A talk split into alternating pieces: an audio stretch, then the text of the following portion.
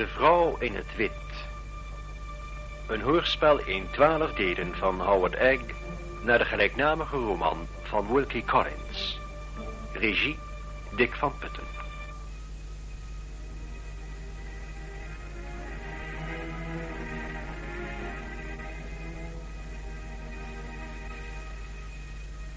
Tiende deel. De donkere weg.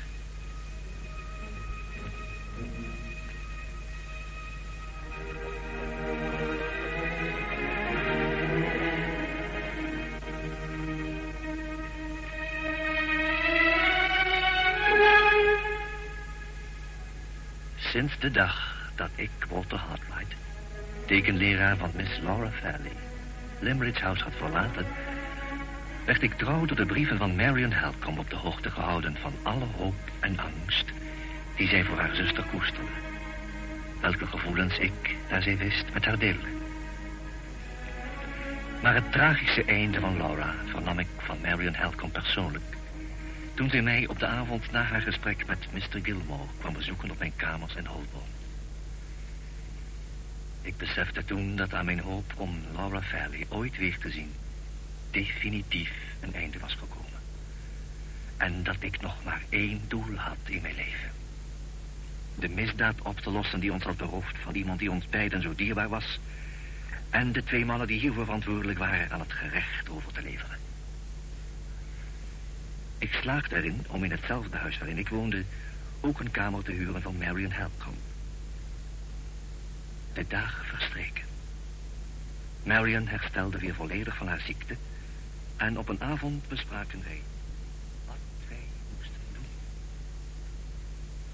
Op verdere hulp van Mr. Gilmore hoeven we dus niet meer te rekenen. Ik heb vanmorgen een brief van hem ontvangen. Een heel beleefde brief die echter duidelijk zijn mening laat doorschemeren...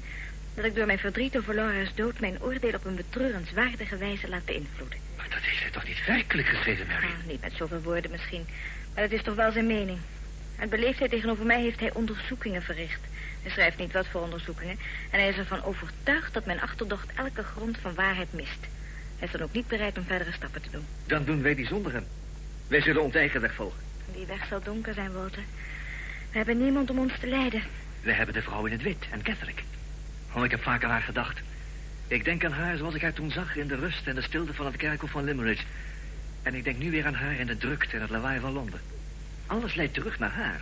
En zelfs op dit ogenblik lijkt het Alsof zij ons de weg wijst. Het is vreemd dat ik de enige ben die haar nooit heeft gezien. Haar geheim is jou ontglipt en het is Laura ontglipt. Het geheim dat we nu zo dringend moeten weten. Als we een Catholic kunnen vinden en het lukt jou om haar vertrouwen te winnen... dan komen we het misschien toch nog te weten. Als we haar kunnen vinden. Maar hoe? We weten niet wat er met haar is gebeurd of, of waar ze zich bevindt. Ja. Is er dan niemand die ons daarbij kan helpen?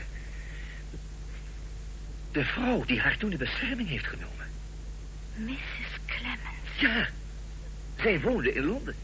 En zij was toen met Anne Catholic op die boerderij bij Limerick. Doodskonen. Ze was een kennis van de familie dood. Dan kun je ze niet schrijven om naar het adres van Mrs. Clemens te vragen. Ja, natuurlijk. Dat zal ik doen. Mrs. Clemens zal zich mij herinneren. Jazeker. En ook de avond dat ik met haar heb gesproken op het kerkhof. Toen hoorde zij dat ik het was die Anne Catholic heeft geholpen te ontsnappen uit het gesticht. Oh, zij zal mij nu niet meer wantrouwen. Ik zal Mrs. Dood schrijven. En haar vragen of Mrs. Clemens nog steeds in Londen woont en waar we haar kunnen vinden. Ik zal het u direct gaan doen. Marian schreef de brief en ik deed hem onmiddellijk op de post. Het antwoord kwam al vlug. Mrs. Clemens woonde nog steeds in Londen, in een pension bij Gray's Inn Road. En nog diezelfde dag ging ik naar haar op zoek. Ik vond dat pension in een deftige straat, aan weerszijden beplant met bomen waarvan de bladeren al herfsttinten begonnen aan te nemen. Mousseline-gordijnen bedekten de ramen en op de deur was een grote klopper bevestigd. Ik klopte en na een ogenblik werd de deur geopend door Mrs. Clemens zelf. Hoewel ik haar direct herkende, bleek dat dat bij haar niet. Wat is er van uw dienst, sir? Ik zou u graag even willen spreken, Mrs. Clemens. Ik ken u niet, sir. U bent het waarschijnlijk vergeten. Hm? Ik heb u eens ontmoet in Limerick, in Cumberland. U was daar toen met Miss en Catholic. Ik ben de man die haar toen heeft helpen ontvluchten uit het gesticht. Ja, ja, nu u dat zegt, herinner ik het me weer. was op het uh, kerkhof van Limridge. Op een gure avond in de herfst. En was bang en ik viel tegen u uit omdat ik niet wist wie u was. Neemt u me niet kwalijk dat ik u niet herkende, sir. Komt u binnen, alstublieft. Heel graag, Mrs. Clement. Mijn uh, kamer is hier op de gang aan de linkerkant. Komt u me nieuws brengen over Anne, sir? Nee, Mrs. Clement. Ik ben juist gekomen om u nieuws over haar te vragen. Ach, ik kan u helaas niet vertellen. Het is mij verboden om haar te zien of te schrijven. Wie heeft u dat verboden? Sir Percival Clyde. Zo. Gaat u zitten, sir. Dank u. Sir Percival Clyde heeft order gegeven dat ik niet in het gesticht mag worden toegelaten. Het gesticht? Is zij in het gesticht? Wist u dat niet, sir? Nee, nee, nee. Uh, wanneer is zij daar naartoe gebracht? Dat zou ik niet precies kunnen zeggen. Van de zomer. Ze was met mij in Senden, weet u? Senden? Waar is dat? Een klein dorpje een paar kilometer van Blackwater Park in Hampshire. Oh. We zijn daar begin juli naartoe gegaan. Ja, en wilde plotseling in de omgeving van Blackwater Park zijn... en niets kon haar daarvan weerhouden. Ik wees haar op het gevaar dat ze liep door Sir Percival ontdekt te worden... en wat er dan zou gebeuren. Maar ze wilde niet luisteren. Al die tijd dat we in Zenden zijn geweest... heb ik geen ogenblik rust gehad, sir. Ik heb haar gesmeekt om zonder mij niet het huis te verlaten. Maar ja, ze was halstarrig en ze ging toch... O, verschillende keren zonder mij te zeggen waarheen. En oh, dan bleef ze uren weg. Ik wist wat er tenslotte moest gebeuren. Ik heb haar gewaarschuwd, maar ze trok er zich niets van aan. En wat is er gebeurd, Mrs. Clement? Wat ik al zo lang gevreesd had, sir. Op een middag, toen ik niet thuis was, ging ze weer weg. En ze is niet meer teruggekomen. Ik heb gewacht en gewacht, maar tevergeefs. Ik durfde niet naar de politie te gaan... uit angst alles voor haar nog erger te maken. Maar toen ik merkte dat ze niet meer terug zou komen... kon ik niks anders doen dan naar Londen teruggaan. En alleen maar hopen dat ze op zekere dag weer net zo naar mij toe zou komen... als op die avond waarop u zo vriendelijk bent geweest haar te helpen. En is ze gekomen? Nee, ik heb haar niet meer gezien. Maar hoe weet u dan dat ze weer in het gesticht is? Ik heb een kans gewaagd, sir. Een kans om haar weer op te sporen. Ik dacht, als Sir Percival haar had gevonden... zou hij haar onmiddellijk weer naar het gesticht brengen. Op een dag ben ik daar naartoe gegaan. En er was precies gebeurd wat ik had gedacht. Maar ik werd niet bij haar toegelaten. Ja, en verder kon ik niets meer doen. Ik ben er nooit meer naartoe gegaan. Ik, ik tracht me nou maar voor te houden dat het arme kind daar beter verzorgd wordt... en in elk geval in veiligheid is. Hoe lang hebt u Anne Catholic gekend, Mrs. Lemmet? Oh, al vanaf de tijd dat ze een baby was. Ik heb haar grootgebracht. En dat was een heel moeilijke taak. Ze was zo vreemd en, en zo teer. Maar het arme kleine ding was als een eigen kind voor mij... En ik heb vaak gedacht dat ze mij gezonden was als troost dat ik zelf geen kinderen had. En haar moeder, hebt u Mrs. Catholic gekend voor en geboren was? Niet zo lang, sir. Misschien een maand of vier. In Wilmingham waren wij buren, maar we gingen weinig met elkaar om. En toch hebt u zoveel zorg aan haar kind besteed? Iemand moest dat toch doen, sir? ik, kijk eens, ik hou er niet van om kwaad te spreken, maar uh, Mrs. Catherick was een harteloze vrouw. Die alleen maar dacht aan mooie kleren. En er allerlei vreemde ideeën op nahield. Ze had geen enkel respect voor een man. Of verantwoordelijkheidsgevoel voor haar kind. Ja, volgens mij was dat de schuld van John Catherick. Hij heeft haar nooit terecht gewezen. Oh, hij was dol op haar. Toen zij op het dorp kwamen wonen, zei mijn man al dat dat nooit goed kon gaan. En dat is uitgekomen ook. Op welke wijze? Door een groot schandaal, sir. Met het jammerlijk gevolg dat ze uit elkaar gingen. Een heer die door zijn geboorte en opvoeding had moeten weten dat hij zoiets niet kon doen. U bedoelt uh, Mr. Catherick? Oh, nee. John Catherick was geen heer. Was maar een gewone man. Hij werkte als koster in de kerk van Birmingham. Hem viel niets te verwijten. Hij was niet de oorzaak van het schandaal de schuld van zijn vrouw. En de schuld van die andere persoon. De persoon die u kent, sir. Ik? Ja. En mijn arme kleine Anne kende hem ook. Helaas maar al te goed. Sir Percival Glyde? Ja, Sir Percival Clyde. Woonde hij in Birmingham? Nee, hij was een vreemde voor ons. Hij logeerde in de kleine herberg aan de rivier... eh, waar heren gewoonlijk gaan vissen. Ik herinner me nog dat hij in de rouw was... want maar kort geleden was zijn vader in het buitenland gestorven. In het begin viel hij niet erg op. En toen ontmoette hij Mrs. Catholic? Er werd gefluisterd dat hij haar al eerder had ontmoet... en dat dat de reden was van zijn komst naar Birmingham. John Catterick vond op een keer verborgen juwelen... die alleen dames van geboorte maar kunnen bezitten. En zij wilde niet zeggen hoe ze daaraan kwam. Hij moet toen geweten hebben van de geheime ontmoeting... die zij had gehad met Sir Percival Clyde... Hij herinnerde zich hoe dikwijls hij haar had gevraagd met hem te trouwen voor zij naar Birmingham kwamen. En hoe zij steeds weer had geweigerd. En toen ze op zekere dag uit zichzelf naar hem toe ging en hem zei dat ze direct met hem wilde trouwen. Ja, wat moest hij toen denken, sir? Het valt moeilijk om niet te geloven. Dat zij misbruik van hem heeft gemaakt. Ja, dat geloofde hij ook, sir. En dat kan niemand hem kwalijk nemen. En dat heeft hij er nooit vergeven. Op een avond is hij weggegaan en niemand heeft hem ooit weer teruggezien. En Sir Percival? Hij kreeg woorden met Mrs. Catherick en verdween. Haar achterlatende bij de mensen die van haar schande op de hoogte waren. Oh, daar trok zij zich niets van aan.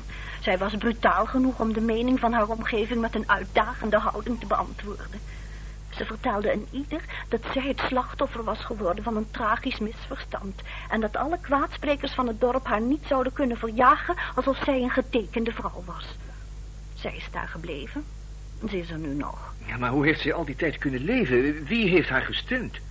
Nou, er wordt beweerd dat Sir Percival dat doet. En haar kind, u hebt mij nog niet verteld hoe u ertoe gekomen bent om daarvoor de zorg op u te nemen. En, sir?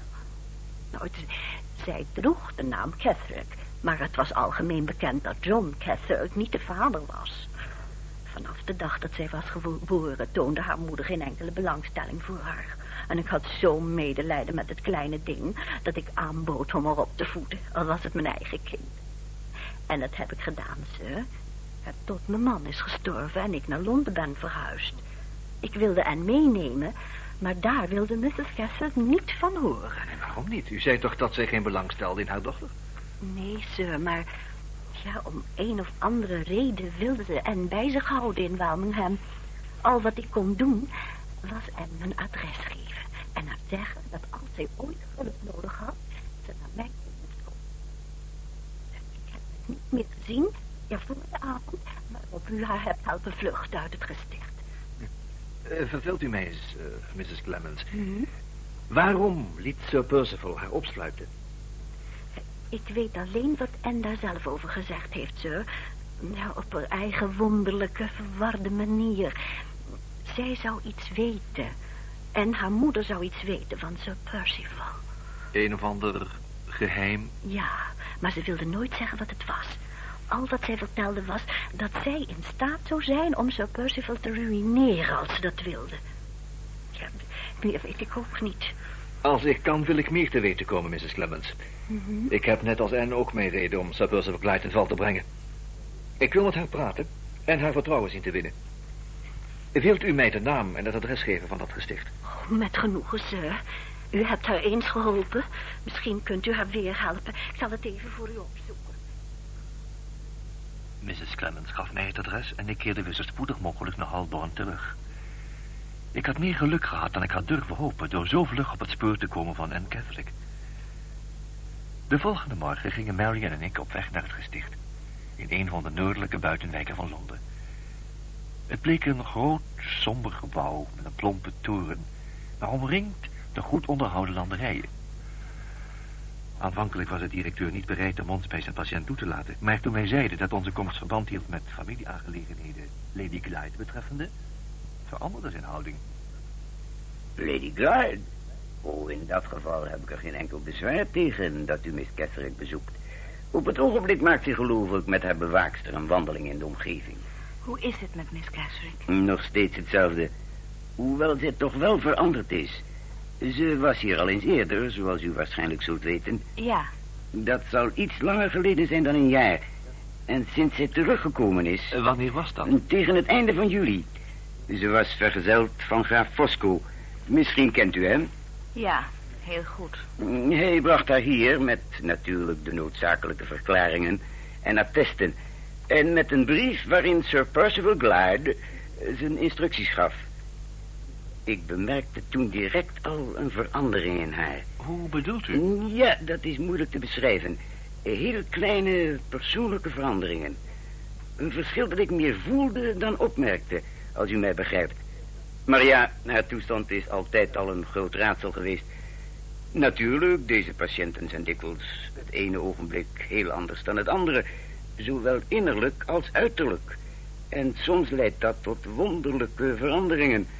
Zelfs in verschijning. Maar het is zeker dat haar waandenkbeelden zich sterker uiten dan het geval is geweest. Uh, bent u de zuster van Lady Glyde? Ja.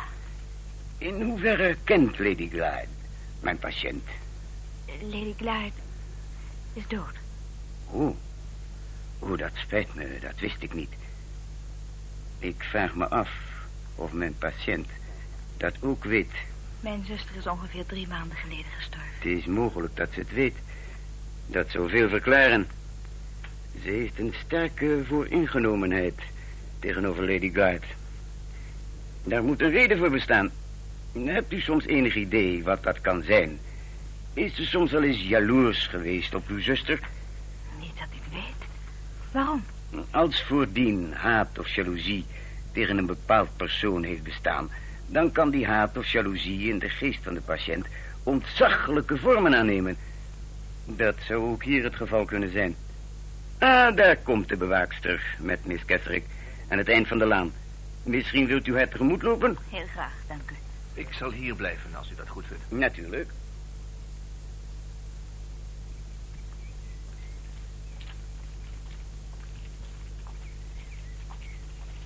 Neemt u me niet kwalijk. Wat is er van uw dienst, man? Ik heb toestemming om met Miss Keswick te praten. Goed, man. Miss Keswick. Ja? Hier is een dame om u te spreken. Marion, liefste. Zal ik u een ogenblikje met haar alleen laten? Alsjeblieft. Als u me nodig mocht hebben, ik ben daar, in het prié. Niets, niet zeggen. Maar ik kan niet geloven dat het waar is. Ik ook niet. Ik dacht dat ik je voor altijd had verloren. Oh, Laura, hou me vast. Hou me stevig vast. We moeten voorzichtig zijn. Niemand mag het zien. Niemand mag het weten. Ik moet je hier onmiddellijk vandaan Oh, halen. Marion. Niet zeggen. Probeer kalm te blijven. Probeer te doen alsof er niets is gebeurd. Wat kan je doen? Ik ben niet gevangen. Ik weet het nog niet. Geef me de tijd om na te denken. Er moet een mogelijkheid zijn en ik zal die vinden. Ik, ga met de verpleegster praten, maar ik kom terug. Houd moed, Laura.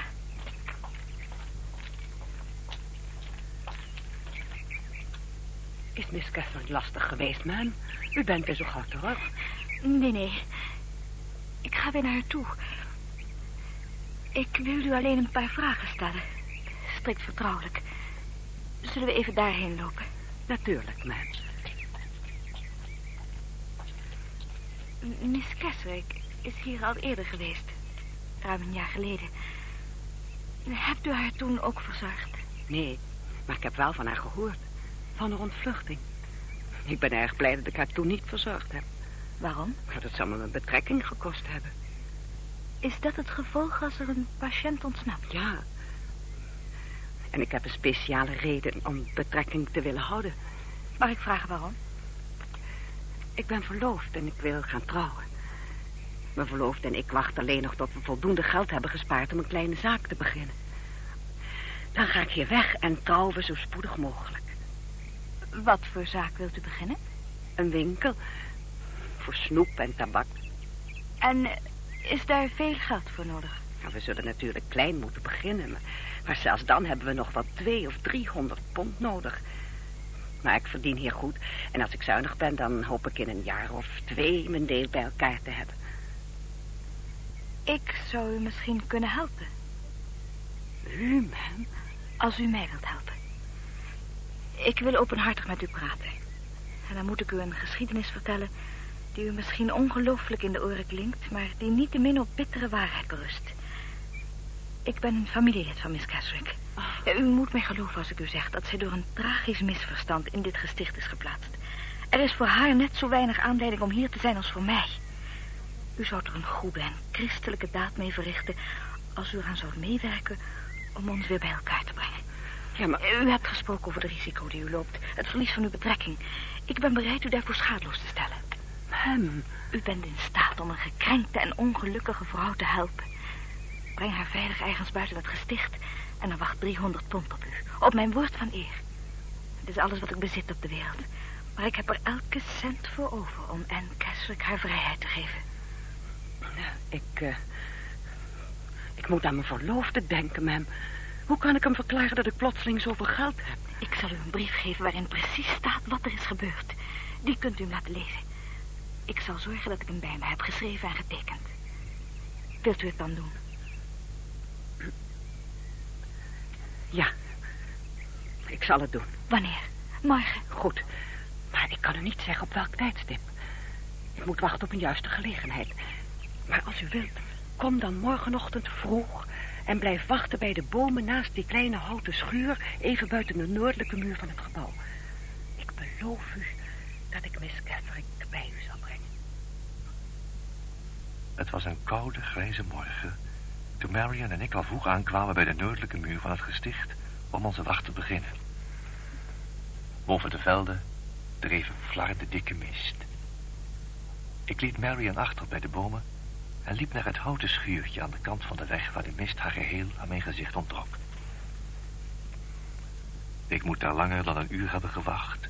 toen ik ze eindelijk door de mist zag aankomen. Ik zag dat Marion iemand bij de arm hield... die gekleed was in een verpleegsterskostuum... met mantel en omslagdoek. Laura Fairley, die ik nooit meer had verwacht te zullen zien... kwam naar mij toegelopen.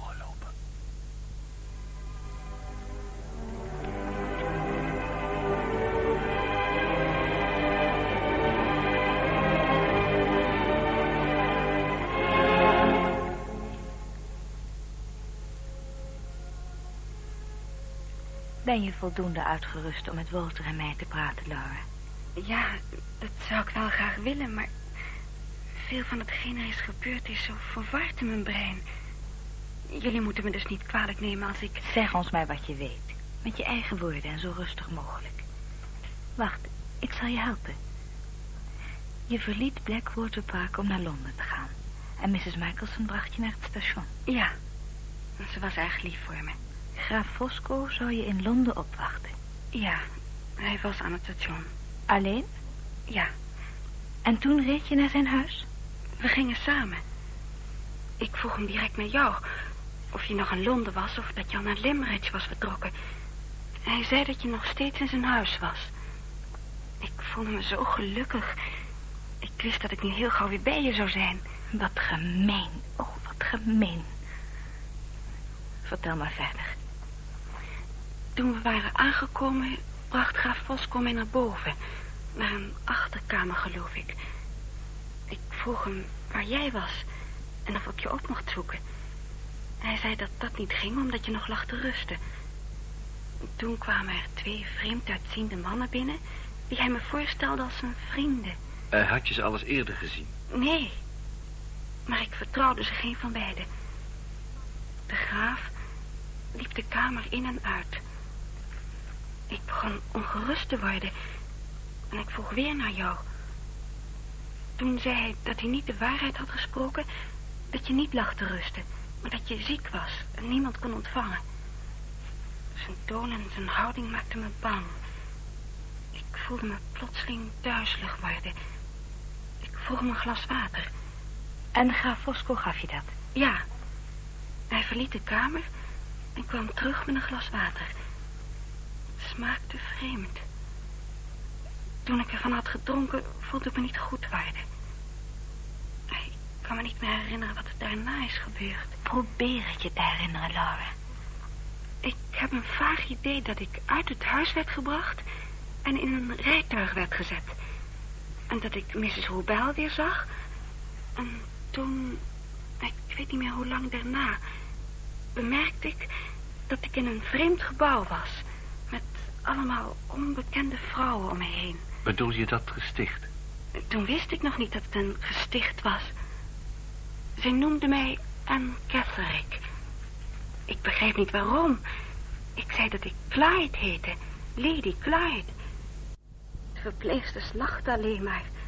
En wees op mijn kleding. Ik keek aan haar en zag dat het niet mijn eigen kleren waren. Het waren de kleren van Anne Catherick. Gemerkt met haar naam. En vanaf dat moment beschouwde iedereen jou als Anne Keswick... wier geestvermogens gestoord waren. Ja, niemand zou geloven wat ik zei. Je bent verloochend, beroofd van je stand en positie in de wereld... en drie maanden opgesloten in een gesticht. Oh, wat een schande. Dat huis waar Fosco jou naartoe bracht in Londen. Kun je je nog herinneren, Laura? In welke richting jullie zijn gereden? Ik ken Londen niet zo goed. Maar ik weet wel dat we de rivier zijn overgestoken. De rivier? Dan ben je dus in zuidelijke richting van de stad gereden en niet noordelijk. Niet naar St. John's Wood.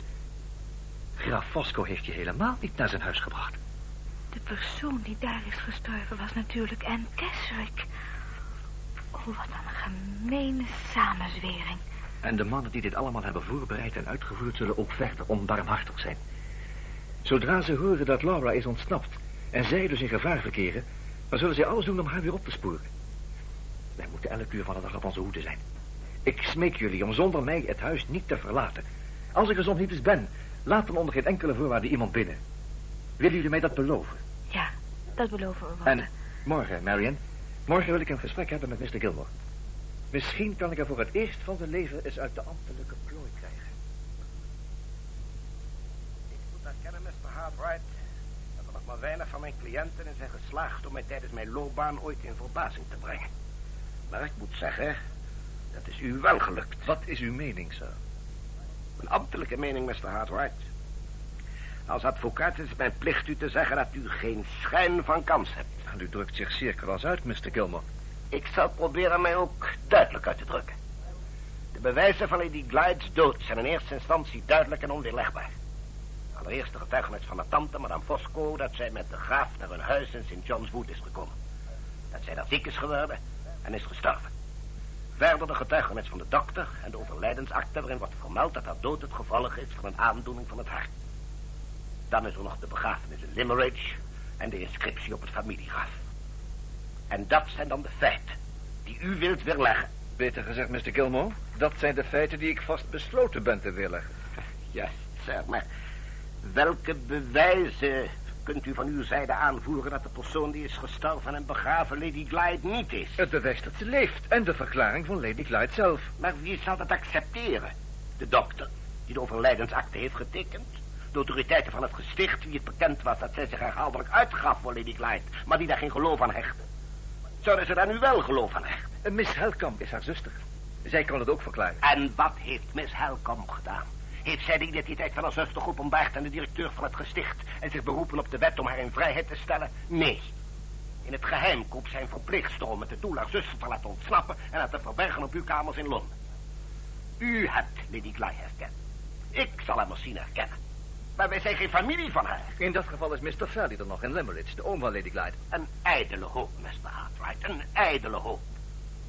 Als mijn ervaring met Mr. Fairley mij iets heeft geleerd... dan is het wel de wetenschap dat hij niet één van zijn beringde vingers zal uitsteken... om ten nichte hulp te komen door gerechtelijke stappen te ondernemen. Maar dat moet hij. Dacht u.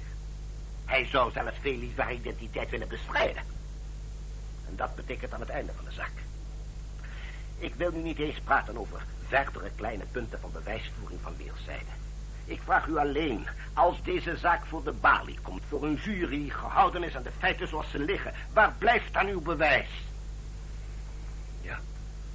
Ja. Ik moet toegeven dat ik nu voor het eerst het standpunt hoor van een buitenstaander. En dat, mijn beste Mr. Hartwright, is het enige standpunt dat een jury kan innemen. Ja. Ik begrijp het, ja. ja. Ik zie nu de grote moeilijkheden. Zoals u het stelt, zijn de feiten tegen ons. Maar is er dan geen manier om die feiten te weerleggen?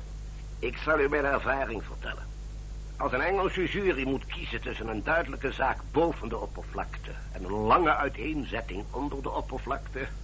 dan neemt zij liever de duidelijke zaak dan de uiteenzetting. Mr. Gilmore, ik heb wat geld gespaard. Een, een paar honderd pond.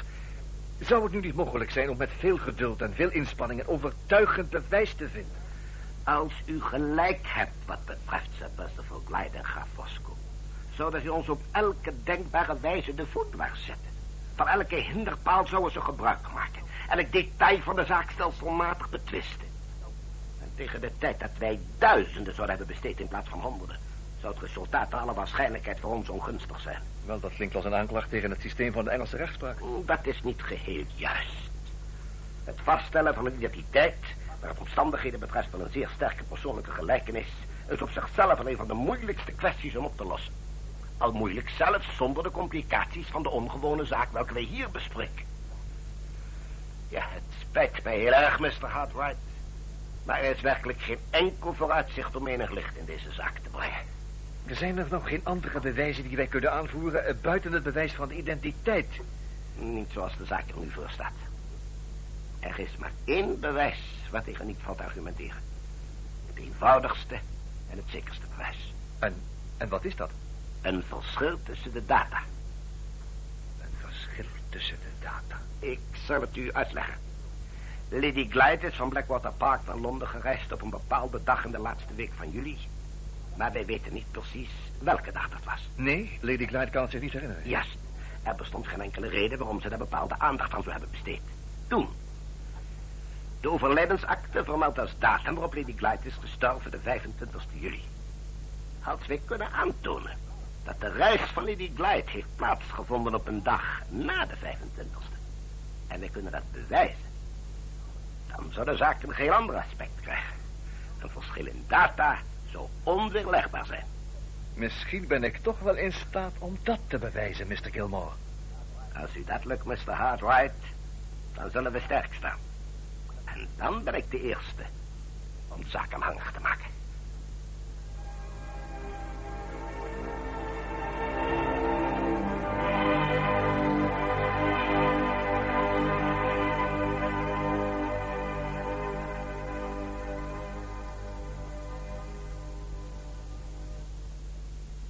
Geluisterd naar het tiende deel van De Vrouw in het Wit. Een hoorspelserie geschreven door Wilkie Collins. De rolverdeling was als volgt. Marion Helcomb, Annemarie van Ees. Laura Fairley, Irene Poorter. Walter Hartwright, Jan Borkes. Mrs. Clemens, Eva Jansen. Mr. Gilmore, Rob Gerards. Een directeur, Riem van Oppen. En een bewaakster, Tine Medema. De regie had Dick van Putten.